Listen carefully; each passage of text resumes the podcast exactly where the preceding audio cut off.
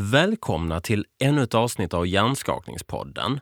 I det här avsnittet kommer jag intervjua en gäst som heter Seth Ronland. Han är personlig tränare ifrån Ystad och eh, jag har varit så otroligt taggad hela veckan på att få lov att släppa det här avsnittet för jag tyckte det blev så, så himla bra. För att Seth, eh, Seth Ronland, han är en personlig tränare som jobbar Eh, inom en verksamhet som han har döpt till evidensbaserad praktik. Och det som är så himla häftigt med SET, eh, och det kommer ni också märka i det här avsnittet, är hur pass mycket kunskap han besitter när det gäller just den vetenskapliga metoden. Alltså hur fungerar forskning? Hur vet man vad som är bra eller inte bra att göra med patienter som har drabbats av olika problem? Inte bara av hjärnskakning utan det kan vara olika typer av smärttillstånd eller liknande. Och hur kan man ta reda på vilka vårdgivare, vilka personer det är som faktiskt jobbar enligt den medicinska forskning som finns och hur identifierar man de som inte gör det?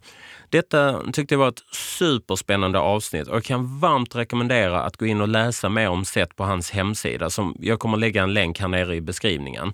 Det var en superinspirerande dag. Jag fick komma ut och träffa Seth på hans jobb.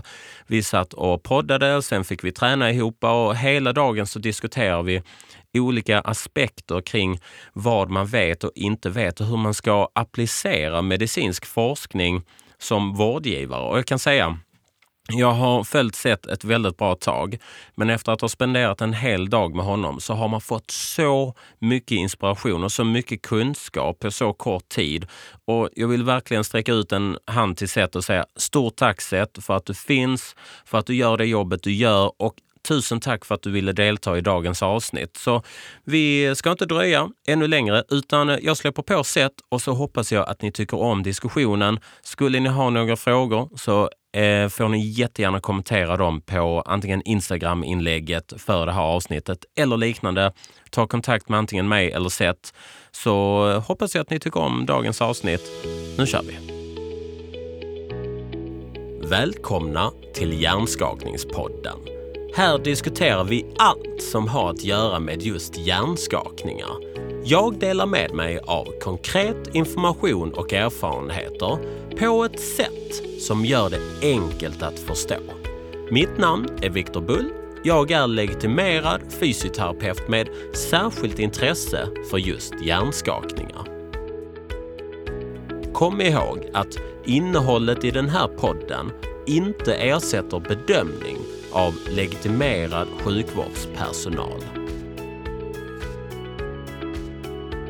Varmt välkommen Seth Ronland, personlig tränare från Ystad. Tack så mycket Viktor. Tack, tack.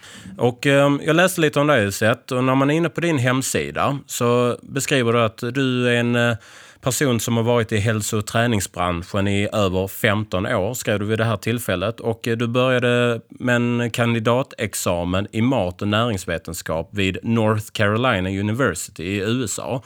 Och du skriver också att du snabbt insåg att det här yrket eh, var väldigt komplext, det var väldigt mycket att veta inom det här området. Så du bestämde dig för att komplettera din utbildning med beteendeneurologi, om det, om det är rätt uttalat, vid Penn State University, också i USA.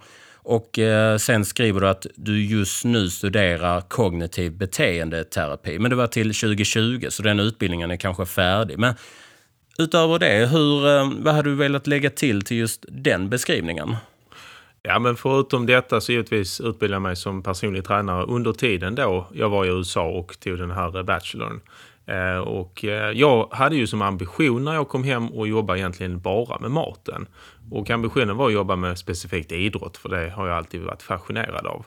Men när jag kom hem så fanns det ju inte eh, några jobb inom idrott utan det som fanns att tillgå egentligen som yrke då var ju antingen inom äldreomsorgen eller inom skolverksamheten.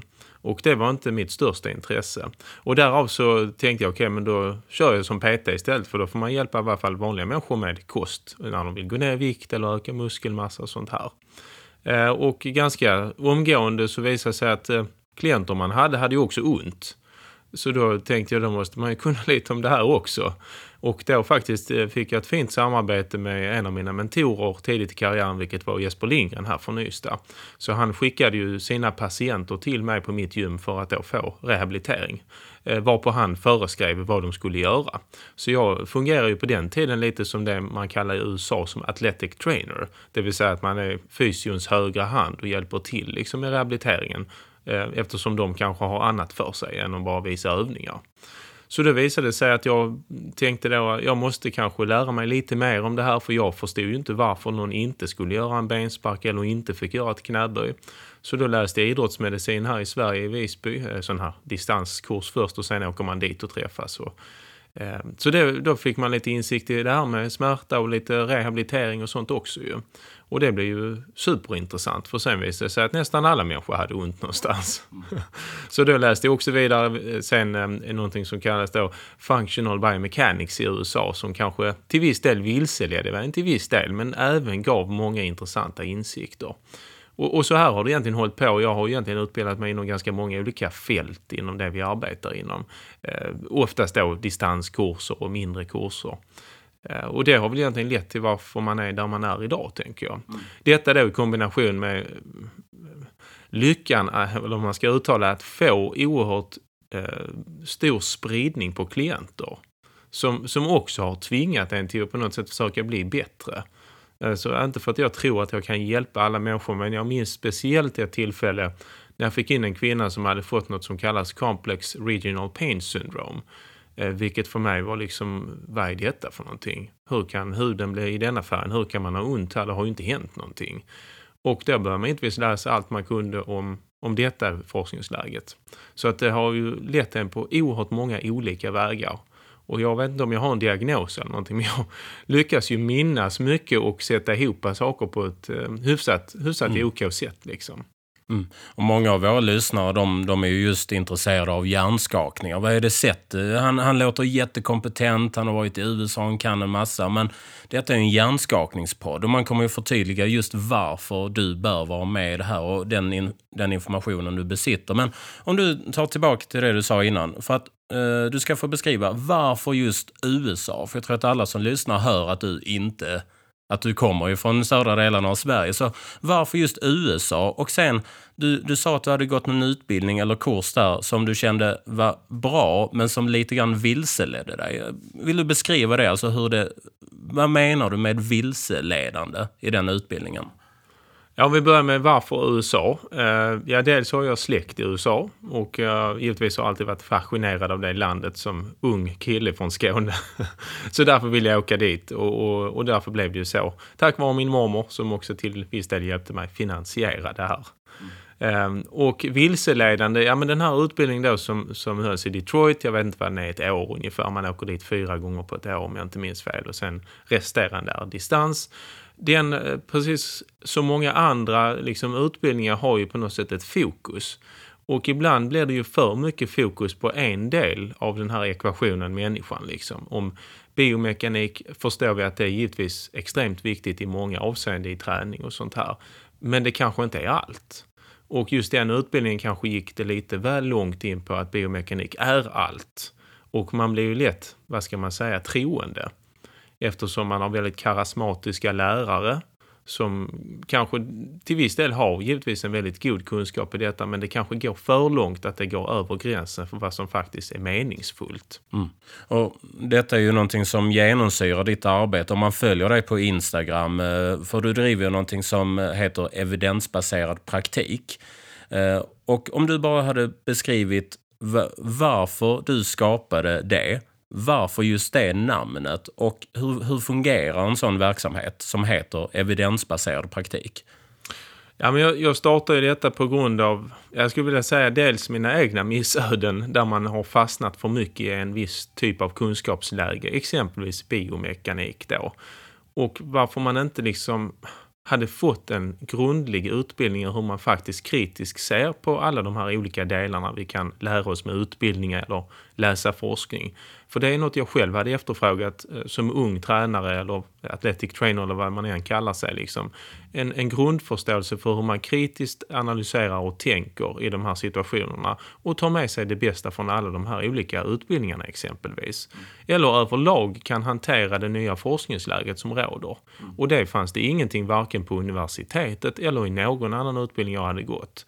Och jag tror den enda verkliga styrkan vi har som individer är att själva förstå. Inte bara lyssna på andra. Mm. Att man skapar en förståelse för någonting som kan vara komplext från början. Ja, och lär sig liksom granska kritiskt i varje fall på ett lekmannamässigt sätt. För mm. inte ens det hade jag med mig från universitetet. Nej. Och jag tror inte så många har det heller tyvärr. Nej. Och för att ditt eh, huvudfokus det är just det här evidensbaserade. Det är det du brinner för, det är det du lär ut, det är det du jobbar med. Men och, för en som undrar, för man hör ordet i många olika sammanhang, evidens. Det ska vara bevis och evidensbaserat. Men vad innebär det? Vad, vad innebär det rent konkret, svart på vitt, att vara evidensbaserad? Ja, först och främst handlar det om att ha en, en bra bild av det nuvarande forskningsläget i den specifika frågan. Så om det exempel är hur man rehabiliterar eh, hjärnskakning, då måste ju individen ha en god uppfattning om hur forskningsläget ser ut, det samlade läget. Därefter sen måste man givetvis också ha en uppfattning om kontextuella faktorer för den specifika individen eh, exakt vad har hänt, vad är den personens erfarenheter, hur mår personen? Så det är ju många kontextuella, både sociala och psykologiska faktorer man måste ta i beaktning när man levererar rehabiliteringsprogrammet. Och även om det ser exakt likadant ut till två personer så levereras det kanske på två olika sätt. För att det passar den personen bäst ju. Och detta ska också vägas ihop med ens egna professionella erfarenhet och givetvis till viss del åsikter baserat på liksom det samlade läget. Mm. Så du nämner framförallt två saker där. Dels är det att man ska ha bra koll på forskningen, det vetenskapliga underlaget inom ett visst område.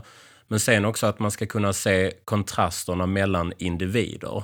Att man inte slänger samma Eh, forskningskoncept eller samma träningsprogram i ansiktet på alla som kommer in utan att man kan variera det mellan individer. Är det korrekt uppfattat? Ja, men det är absolut så jag menar. Och det är givetvis det som är det svåraste kanske att ta med sig. För att lära sig ett protokoll hur man rehabiliterar en hjärnskakning, det är inte så svårt. Men frågan är, är det verkligen rätt med ett protokoll som är samma till alla människor? Mm. Och det, det, detta är ett superintressant område. Dels för att det, det, täcker ju, det täcker ju inte bara hjärnskakningar. Det täcker ju medicin. Det täcker allt från cancervården till stroke till eh, hälsokostindustrin och liknande. Men eh, om, man, om man konkret skulle säga hur vet man om en person man träffar, oavsett om man är privatperson och inte kunnig inom ett visst område eller om man är legitimerad läkare och expert inom ett annat område. Hur vet man om en person jobbar evidensbaserat? Och om man går till en terapeut, en PT, en läkare, hur, hur vet man om den personen jobbar enligt eh, vetenskapliga rön? Att följa denna praxisen är ju inte liksom enkelt att avgöra för en lekman. Jag skulle vilja påstå att det nästan är omöjligt. Så frågan är givetvis hur löser vi detta problemet i samhället? För precis som, som du och jag så stöter vi på folk som kanske har betalt väldigt mycket pengar till interventioner som gör absolut ingen skillnad och kanske till och med försämrar tillståndet för en del människor.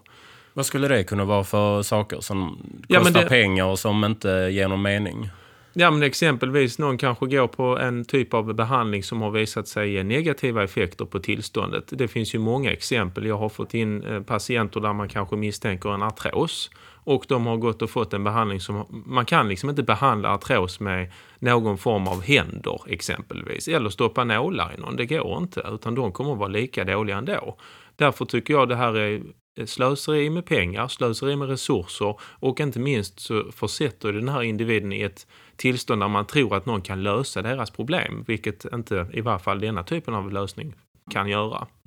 Och det, det blir problematiskt för till sist tröttnar ju folk på att ingenting hjälper och de hamnar i negativa spiraler, de kanske slutar röra på sig, de kanske blir deprimerade. När vi vet att det kanske finns en vård som hjälper mot artros, vilket är definitivt primärvården, det kanske är mediciner, det kanske i sista hand kanske att de till och med behöver byta ut en led ju. Mm.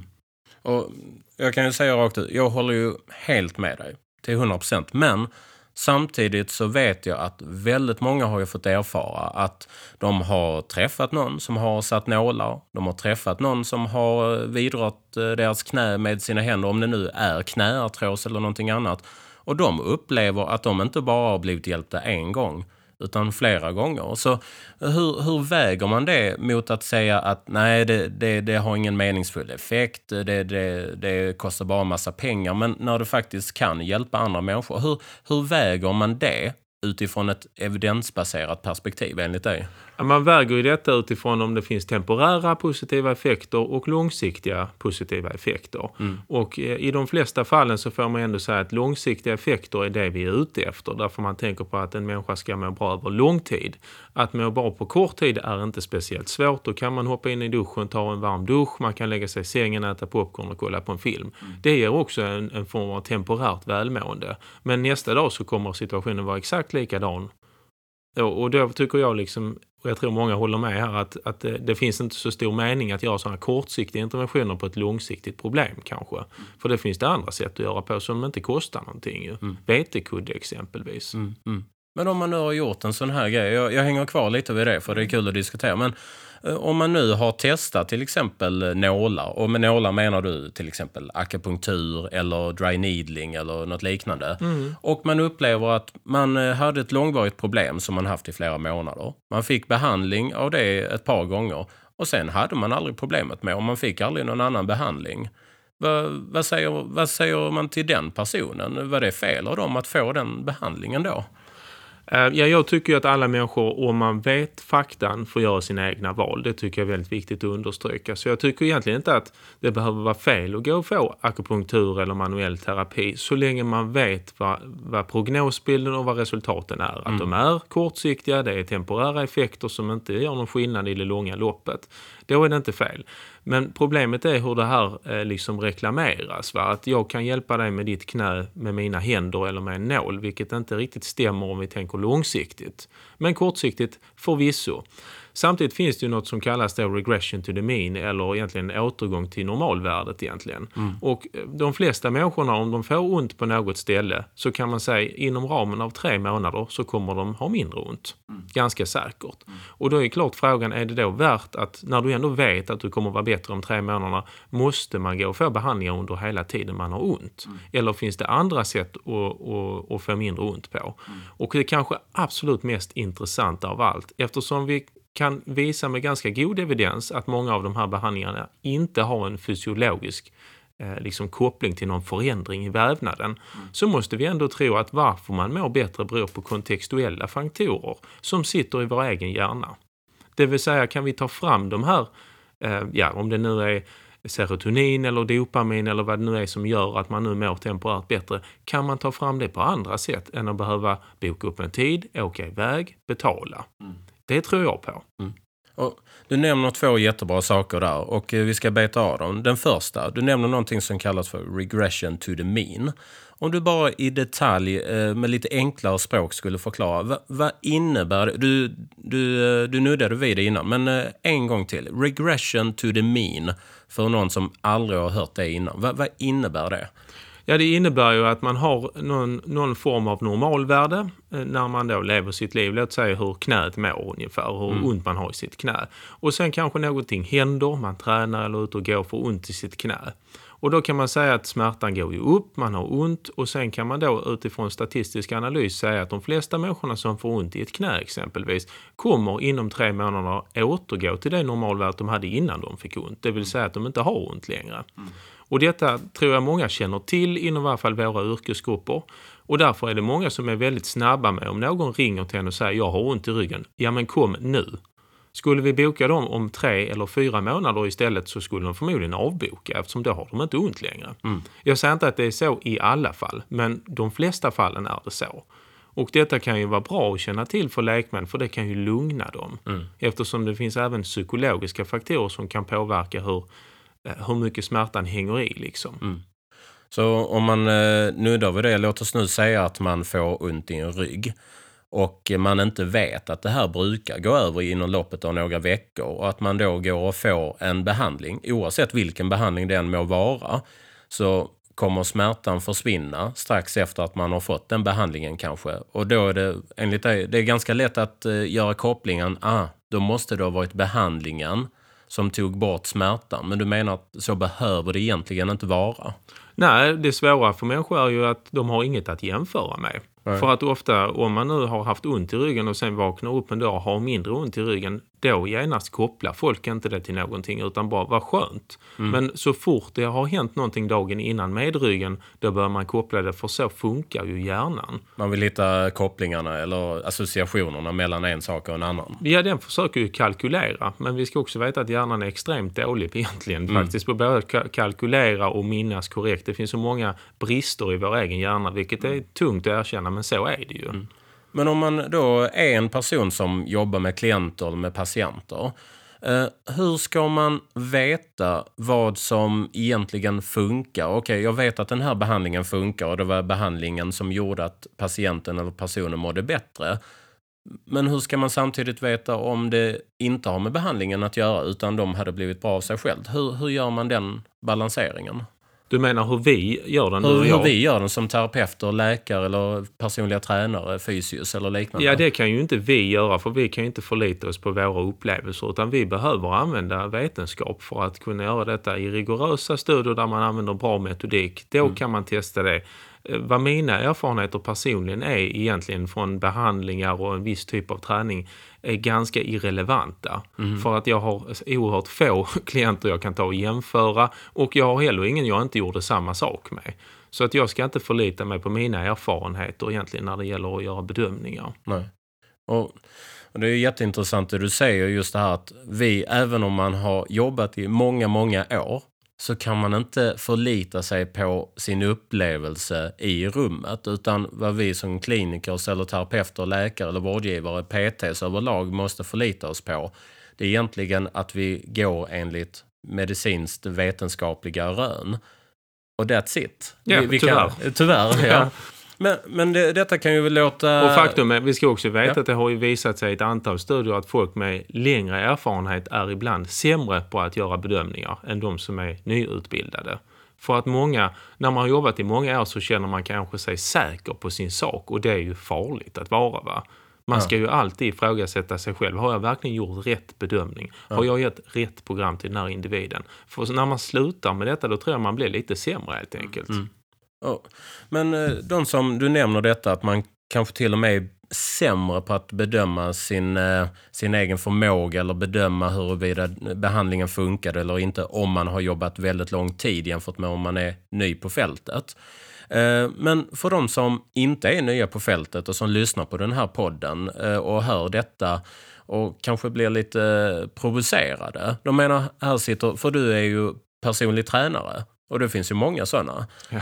Varför, och du är ju inte legitimerad läkare, du har inte någon forskartitel. Eller, var, varför i hela friden ska folk lyssna på vad du har att säga? Alltså, för, för du är ju inte, du är ju inte läkare eller hög, högaktig forskare. Var, varför ska vi lyssna på dig? Ja, men det är ju en mycket bra fråga. Jag tror att för det första så ska man nog inte säga att yrkestiteln är det som ska avgöra hur mycket någon lyssnar på en. För det finns ju oerhört mycket historier som talar om för oss att människor som har haft väldigt hög utbildning har gjort väldigt dumma grejer. Och därför är det ju givetvis svårt för lekmän kanske till viss del att veta vem man ska lyssna på. Eh, vi ska heller inte säga att experter på ett ämne är dåliga, för det är inte det jag menar. Men det finns ju både bra och dåliga eh, liksom praktiker inom olika yrken. Så om jag har läst sex år medicin eller om jag har läst, läst ingen medicin, klart det är en skillnad till viss del. Men när det gäller att analysera forskningsläget så finns det ju egentligen inget som säger att den ena skulle vara bättre än den andra. Och mig veterligen så är det ju så också att en del utbildningar vi har i Sverige så läser man ju saker som är helt irrelevanta för yrket. Och därför förbrukar man ju tid på något som inte gör någon till bättre varken kliniker eller praktiker. Istället för att då kanske, som jag sa innan, i första hand ska folk lära sig själva bedöma forskningsläget och göra rätt bedömningar utifrån detta. Istället för att lära sig olika metoder som någon har hittat på och tycker är rätt väg att gå fast det egentligen inte är det vetenskapligt. Va? Mm.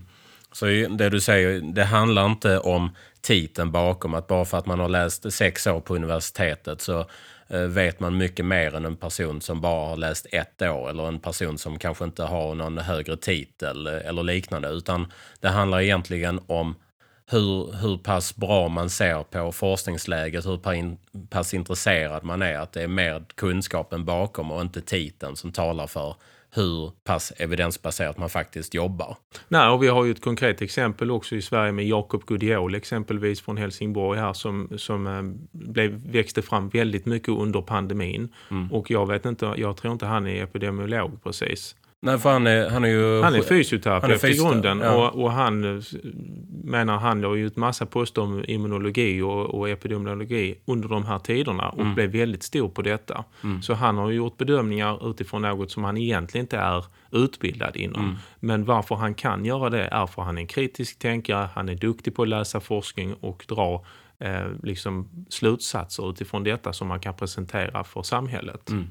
Och jag kan också slå ett slag där för att eh, om ni vill följa Jakob Gudiol, vilket jag varmt rekommenderar. Eh, då jag tror kontot heter bara Jakob Gudiol, ja. Gud i ol. Tror mm. jag det. Eh, varmt rekommendera in och följa honom. Grymt. Men ta, ta bara en sån person som Jakob eller en person som eh, dig. Eh, hur, hur vet ni att... Hur, hur vet ni, hur vet du att du är evidensbaserad? Hur vet du att du jobbar evidensbaserat? Eh, för du driver en mottagning eller har ett brand mm. som heter det. Men mm. vad är det som säger att du är evidensbaserad? Jag tror det i, i första hand handlar det om det man kallar epistemologi, det vill säga kunskapen. Var kommer den ifrån? Varför och hur kan vi ha denna kunskap? Man ifrågasätter det i första hand. Och så länge man ifrågasätter all den här vanliga kunskapen så har man en bra utgångsläge.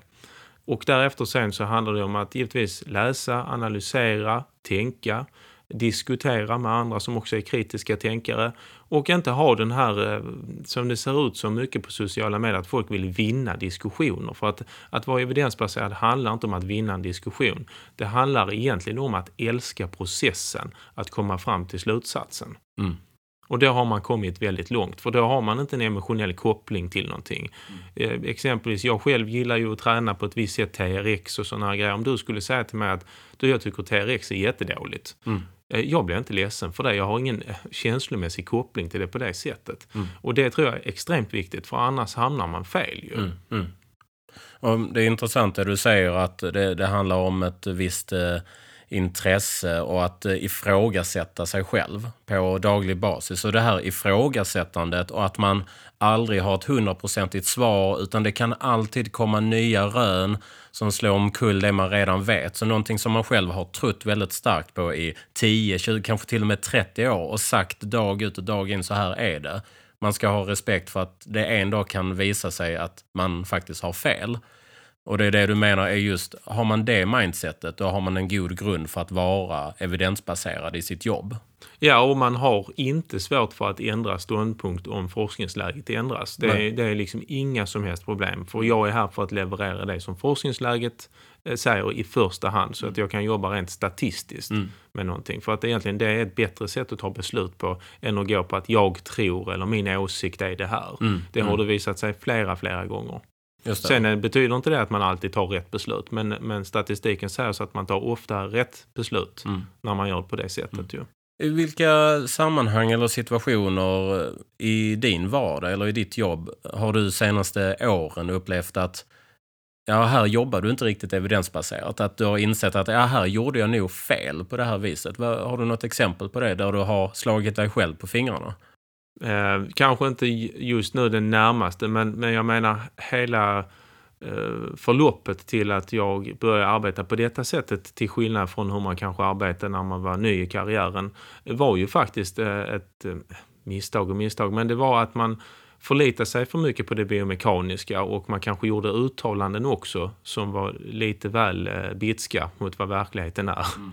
Och då blev jag då eh, Har du något exempel där? Ja, men det har jag. jag. Jag hamnade i en diskussion med en eh, väldigt duktig manuell terapeut från Norge som heter Sigurd Mikkelsen som är en duktig fysio och han arbetar mycket med manuell terapi bland annat ju. Och då skrev jag någonting om subtalarleden, vilket är en led nere i, i hälen kan man säga. Mm. Eh, om hur den skulle fungera för optimal funktion i, i knäleden och i ankelleden och så vidare. Och då ställde han en motfråga på detta eh, varpå det uppstår en liten diskussion eh, och jag inser att jag har ju faktiskt eh, ingenting att styrka min, mitt, mitt påstående med det kan jag säga, det var något som kallas kognitiv dissonans. Va? Mm. Man hamnar i ett läge där man blir väldigt emotionellt engagerad och, förbannad va? på hur kan han säga så här och sen inser man att man själv har fel. Mm. Det föranledde liksom hela mitt arbetssätt. Mm. Så jag har mycket att tacka Sigurd och jag har också pratat med honom efteråt flera gånger såklart. Och det, det gjorde att jag kom in på det här och det var faktiskt tack vare den situationen som jag är där jag är idag. När jag insåg att jag hade fel. Va? Mm. Och att du kunde ta till dig det. Det kändes jobbigt där och då att du hade fel. Att det, att det, det, var, det var inte bara informationen som var fel utan det kändes emotionellt känsloladdat. Ja, men jag hade ju byggt upp mycket av mitt arbete på den här nya kunskapen som var, separerar mig från alla andra. Jag kunde så mycket mer om biomekanik och sånt. Och sen när jag själv försöker gå in och bevisa att jag har rätt, vilket också är fel, mm, att mm. i efterhand bevisa att man har rätt, så kunde jag inte det. Och, ja, det, det drog igång många tankar. Det var en rätt så jobbig period mentalt såklart. Men mm. eh, så snabbt jag kom upp från den så under, kom jag underfull med att jag måste börja jobba på ett annat sätt. Mm. Och detta är väl en, ja vad kan det vara, sju, åtta, nio år sedan. Mm, kan tänka mig. Mm. Men om man tar, det är ett jättebra exempel som du har upplevt. Men där ute, oavsett om man är PT eller vårdgivare eller annat, det, det, verkar ganska populärt att säga att man, är eviden, att man jobbar evidensbaserat. Det är många som säger det att vi, eh, jag jobbar evidensbaserat och vi har evidens för detta. Men på andra sidan så sitter en person med lika lång utbildning, samma titel och säger att nej, det där som du gör det är inte evidensbaserat. Alltså vad, är, är detta ett ord som folk bara slänger sig med? Hur vet man vad som är rätt eller fel? För de säger ju också att de är evidensbaserade, vissa. Ja, jag tror vi kommer tillbaka lite till det vi sa innan. Alltså det är ju så att eh, jag skulle säga de sista 10-15 åren har vi haft en stor ökning av dels det här namnet evidensbaserad. Vi har också en ökning av något man kan kalla pseudovetenskap. Vi har också en ökning av konspirationsteorier i samhället. Och allt det här bygger på att det är ett så oerhört stort eh, informationsflöde idag och att alla kan säga precis vad de vill, vilket är i och för sig bra för yttrandefriheten. Mm. Men det blir ju väldigt svårt för lekmän att avgöra vad som är sant. Mm. Och när det gäller just forskning får vi ändå säga att den, den, den mesta forskning som kommer ut är helt totalt värdelös, i varje fall inom våra fält. Mm. Mycket saker har man studerat 50 gånger samma frågor och får olika svar, mm. vilket betyder att det kanske är massa fel i forskningen också. Mm. Så att givetvis är det svårt att avgöra, men som vi kom fram till innan då, att det enda sättet för en människa att veta att någonting stämmer mer med verkligheten än något annat är ju den egna kunskapsnivån dessvärre. Mm.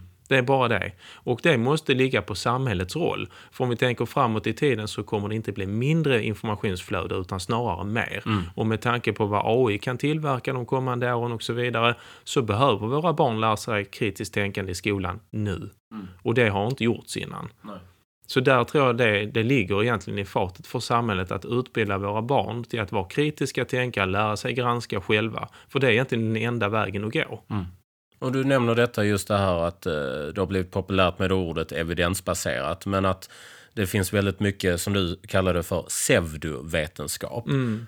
Vad är det? Ja, men det är ju någonting som uttalar sig för att vara vetenskapligt när det inte är vetenskapligt. En massa olika påståenden som baserar sig kanske på väldigt bristfälliga studier.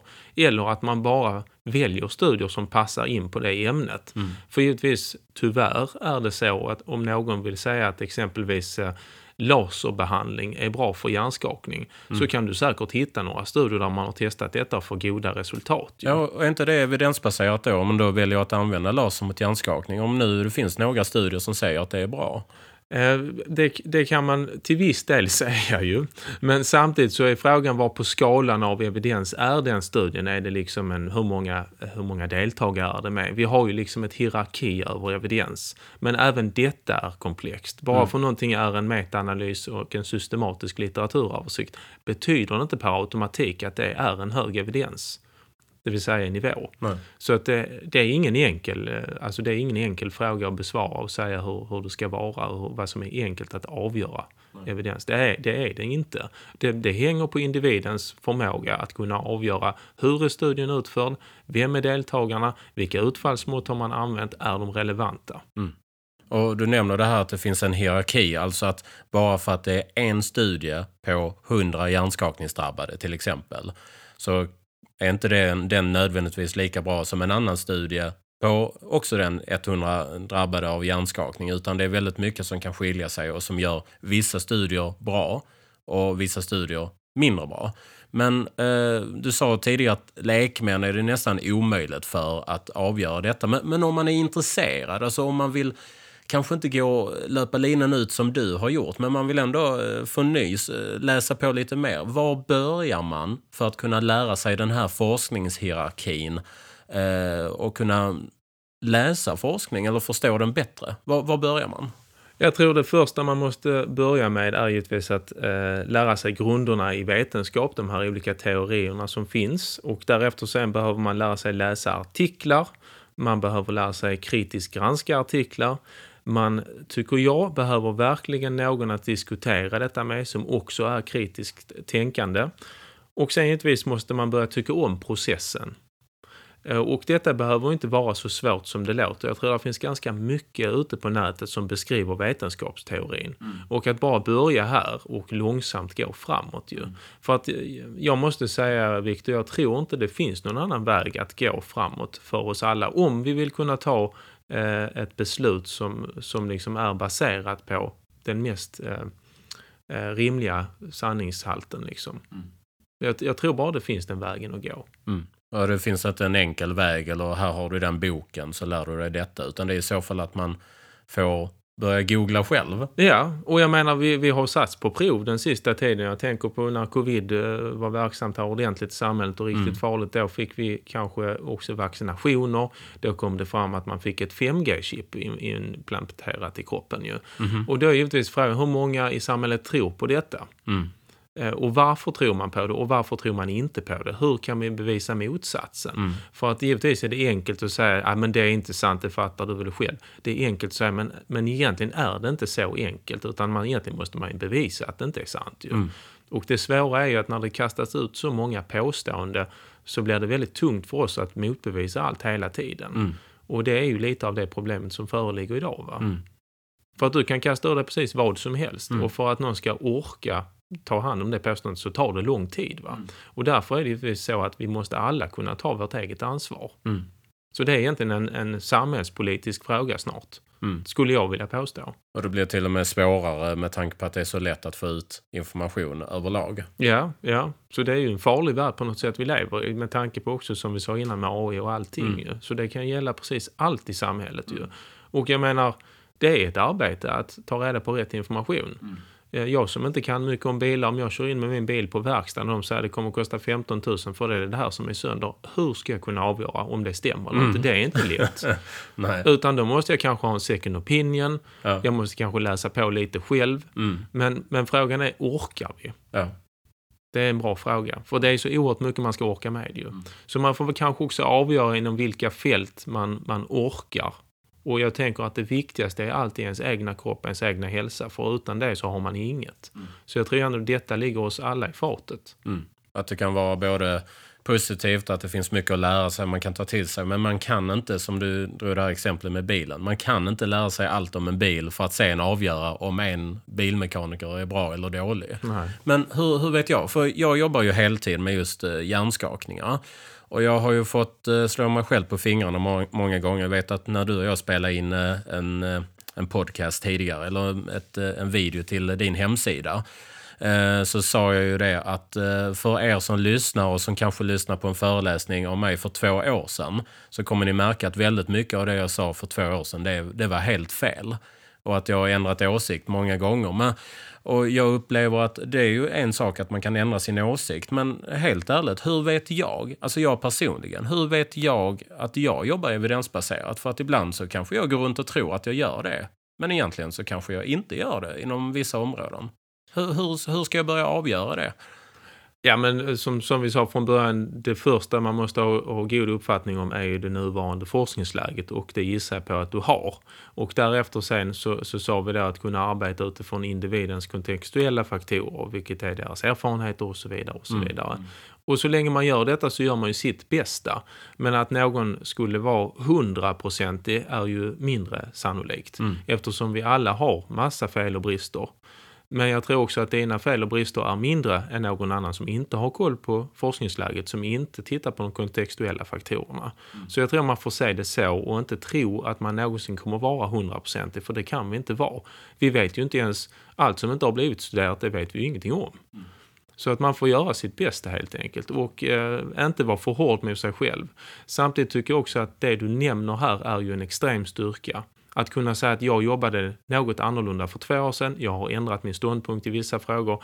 Det är ju ett bevis på att man är på väg framåt, mm. högst sannolikt. Mm. Det är jättefint och det, jag tror det är väldigt viktigt att du säger det för att annars så kan det kännas som att eh, detta är ouppnåeligt, detta är för svårt att jobba evidensbaserat. Det är kanske inte för mig för att det kommer kräva så himla mycket, men att man kanske sänker prestigen och försöker göra sitt bästa och vara lite mer uppriktig kring vad man vet och inte vet och vara lite mer ödmjuk kring det. Men att man inte ska vara för hård mot sig själv eh, i och med att man inte kan veta allt till 100 procent. Nej, men så är det definitivt. Och sen tror jag ju att alla vi som jobbar inom det här, i varje fall de flesta, är filantropiska av natur. Vi gillar att hjälpa människor. Mm. Så även om vi till viss del eh, också begår misstag ibland och gör sämre interventioner än vad vi skulle vilja, mm. så har vi gjort det bästa vi kan för den individen. Vi har empati för människor och vi vill deras bästa. Mm. Och det är ju ändå grunden såklart för mm. alla som arbetar, för alla kan bli bättre. Men att ha empati och vara filantropisk i sig själv är ju ändå en väldigt viktig faktor för att folk ska bli bättre också. Mm. Ja, men det är fint att du säger det sätt. Och en annan sak som jag skulle vilja komma in på, för att många av våra lyssnare, det kan ju vara alltifrån vårdgivare till eh, patienter eller andra hjärnskakningsdrabbade eller anhöriga till dem. Och en väldigt vanlig eh, sak att lida av efter en hjärnskakning, det är ju framförallt nacksmärta. Och nack och ryggsmärta är ju någonting som du har haft en väldigt stor erfarenhet av. Du har träffat många olika typer av individer, alltifrån folk som har haft smärta väldigt lång tid eller som har haft det efter olyckor eller operationer och liknande. Men en sak som många brukar fråga det är att de, de, de säger att de har fått en eh, magnetkameraundersökning av nacken till exempel. Men så kan man inte se någonting som är av eller skadat. Man kan inte se vad det är som gör ont. Och om du skulle förklara på ett väldigt enkelt sätt, hur kan det vara så att någonting kan göra väldigt, väldigt ont och vara extremt begränsande utan att det syns? Ja, eh, det där är ju ingen enkel eh, fråga att besvara till att börja med. Eh, som jag ser på detta ämnet idag är det att jag tror att vi har ganska stora brister i hur väl vi kan undersöka smärtmekanismer. Eh, jag tror att de klassiska tecknen, exempelvis diskbuktning, diskbråck och de här vanliga sakerna man kanske ser på en MR, är en extremt liten del av hela historien. Jag tror att problemet vi har framför oss är väl kanske att kunna konstatera om vi hittar fel egentligen på det man kallar neuroimmune crosstalks, det vill säga nervsystem och immunförsvars samband, hur de samarbetar. Där finns nog väldigt mycket framöver att hitta. För jag tror personligen att man kan inte ha ont utan att det finns en anledning. Sen tror jag absolut att psykologiska och sociala faktorer kan skruva upp och ner smärtnivåerna ganska mm. mycket. Men jag har mycket svårt att tro att någon skulle ha väldigt ont på ett ställe utan att det finns någonting som inte stämmer. Mm. Det är vad jag tror. Mm. Och det är rätt viktigt, det är bra att du säger det för att eh, ibland kan man ju få uppfattningen av att eh, man bara säger att det finns inget fel och eh, därför så ska du bara leva med smärtan. Utan du menar på att även om det är någonting som inte syns på en röntgen, alltså på en bild, så kan det ändå, bör ändå tolkas som att det är någonting som inte stämmer. Nej, och det är bara att vår förmåga att, att lokalisera detta just nu är begränsad. Mm. Jag menar, det var inte länge sedan vi visade att fibromyalgi faktiskt är ett problem i, i just nerv- och immunförsvarssambandet. Mm. Och det tror jag det finns ganska mycket problem som består av. Mm. Och det är bara att vi kan inte riktigt eh, kontrollera allt i den här nociceptiva apparaten som man kallar det. Vilket mm. vi förstår inte alltid än. Nej. Och du har jobbat med många olika typer av smärtproblematik. Men om man hänger kvar vid det här med nacksmärta, för det är ju någonting som många har problem med efter just en hjärnskakning. Och du säger att det, det, behöver inte nödvändigtvis vara någonting som syns på en röntgen. Det behöver inte vara någonting som syns på en bild. Men du nämnde två andra saker. Du nämnde att det kan vara faktorer som är sociala. Att smärtan påverkas av både sociala faktorer men också psykologiska faktorer. Om, om du tar en patient som har haft en olycka och ont väldigt länge i sin nacke Eh, hur ska de tolka de två faktorerna, sociala och psykologiska? Vad betyder det för smärtan? Ja men det kan ju exempelvis vara då om det finns aktiviteter man älskar att göra som ger liksom flow i livet som, som vi alla vill ha liksom. Och så kan man inte göra det här längre på grund av smärtan i nacken exempelvis. Då kommer det förmodligen skruva upp smärtnivån lite till därför att man funderar givetvis ännu mer på den här smärtan. Och det kanske också i slutsatsen får en lite mer ja, nedstämd helt enkelt. Och nedstämdhet korrelerar också med mer smärtupplevelser. Så det kan ju verkligen skruva smärtan upp och ner. Jag tror aldrig dock att man liksom eh, kan ta bort smärta helt bara genom att eh, psykologiska och sociala faktorer blir bättre. För jag tror fortfarande finns en anatomisk koppling till det. Mm. Det är bara att vi inte kan se den ju. Mm. Vad skulle det vara? En anatomisk koppling, en fysisk koppling som vi inte ser men som ändå spelar roll? Alltså... Ja, som jag ser på det idag så tror jag det, det finns saker i den nociceptiva apparaten som inte är som de ska. Mm. Exakt vad det är kan jag inte säga eftersom Nej. jag inte förstår det tillräckligt väl. Eh, men om man nu har en eh, långvarig smärta eh, och man behöver hjälp med den och man har fått en bildundersökning och allting ser bra ut. Hur, hur, det är inte samma svar för alla, men vad tycker du? Hur bör man gå tillväga först för att steg för steg få bukt med den här smärtproblematiken? Jag tror i första hand så ska man vara ganska försiktig med att tala om hur liksom rehabilitering kommer att påverka smärtan för den känns nästan omöjlig att veta. Däremot, eh, i varje fall som jag arbetar, tänker jag på allt annat. Vi kanske kan få dig att börja göra detta igen och du kanske kan göra lite mer så här så att din hälsa generellt sett blir bättre. Och sen hoppas vi på att smärtan blir lägre. Men det är ju ingenting man kan utlova eftersom det finns ganska ganska dåligt med evidens för att säga att den här träningen kommer att hjälpa mot din smärta. Mm. Många av, av patienter som jag har haft med exempelvis fibromyalgi är det vi pratar om mest att när vi tränar kanske vi kan sova lite bättre. Mm. Och det är värt väldigt mycket. Men när det gäller din smärta så vill jag inte uttala mig för jag har ingen aning. Nej. Utan man kan förbättra andra aspekter av livet ja. än bara hur ont det gör. Ja, och ibland har man tur med att folk blir av med sin smärta. Och exakt varför de blir det, det vet jag inte. Jättefint sätt. Men eh, bara för att eh, avrunda lite. Om man nu skulle vilja komma i kontakt med dig. Eh, dels, hur, ser dina dagar ut? Alltså träffar man dig personligen eller är det via online? Eller, du har ju en utbildningsverksamhet. Om du bara beskriver hur, hur kommer man i kontakt med dig och vad kan du bidra med i så fall? Ja, men mina dagar består ju både av fysiska timmar på golvet eller i kontoret med folk med konsultationer och sen jobbar jag även som online-tränare, det vill säga gör program och sånt här till folk som vill träna eh, på andra ställen i Sverige än bara i Ystad ju. Mm. Och sen driver jag också utbildningsföretaget Evidensbaserad praktik. Där vi egentligen eh, säljer utbildningar inom olika ämnen då till praktiker. Allt ifrån personliga tränare, fysioterapeuter, kiropraktorer, naprapater och så vidare. Mm. Och vi har även vissa landsting som har köpt in det till sina anställda. Mm. Inom både arbetsterapi och så. Mm. Och de här utbildningarna går ju ut på att eh, i de flesta fallen så är det exempelvis knäleden och då tittar man på olika eh, problem som kan finnas i knäleden och vad forskningsläget säger idag. Och sen får man då givetvis eh, exempel på hur en rehabilitering skulle kunna se ut för en viss typ av problematik. Ju. Och så fungerar alla de utbildningarna som är vända till liksom mer kliniska praktiker. Sen har vi givetvis utbildningar till personliga tränare och så också som är lite mer program, hur man gör program och sånt här. Just det. Så det är dels att du, du träffar ju klienter på, på plats här i Ystad. Eh, och sen så träffar du också folk via online-samtal. Men det är inte bara träning du hjälper dem med, utan det kan vara allt ifrån kost och viktnedgång eller eh, idrottsoptimering och liknande. Ja, det är ett väldigt brett spektrum, ja, får, jag, ja. får jag säga. Mm. Men, eh, men om man vill, eh, man vill ha kontakt med dig eller man vill spana in utbildningarna eller boka en tid, eh, var, var, var går man in då? evidensbaseradpraktik.com eller så går man in på setrunland.com. Just det. Och jag kommer lä vi lägger en länk i, eh, i avsnittet eh, här nere i beskrivningen så kan folk gå in där via. Men utöver det som vi har diskuterat, sett, vad, vad hade du velat eh, lägga till i det här samtalet? Så du känner att detta hade varit ett bra tillägg, detta är någonting som du kommer på hade varit bra att få ut? Ja, du, jag tror väl att när, mycket av det vi har pratat om handlar om kritiskt tänkande. Och jag vill nog säga att kritiskt tänkande är liksom en självlärd process till viss del. Och man måste liksom gilla att vara självkritisk, att bli bättre. Det är liksom eftersträvan både du och jag har ju. Mm. Vi vill bli bättre, vi är inte rädda för att ha fel. Eh, och om vi har fel så är vi glada för att bli bättre helt enkelt. Och jag tycker det liksom genomsyrar bådas praktiker egentligen. Mm. Jag minns ju mycket väl när vi träffades när jag inte var tillräckligt beläst på ämnet med, ehm, med hjärnskakningar.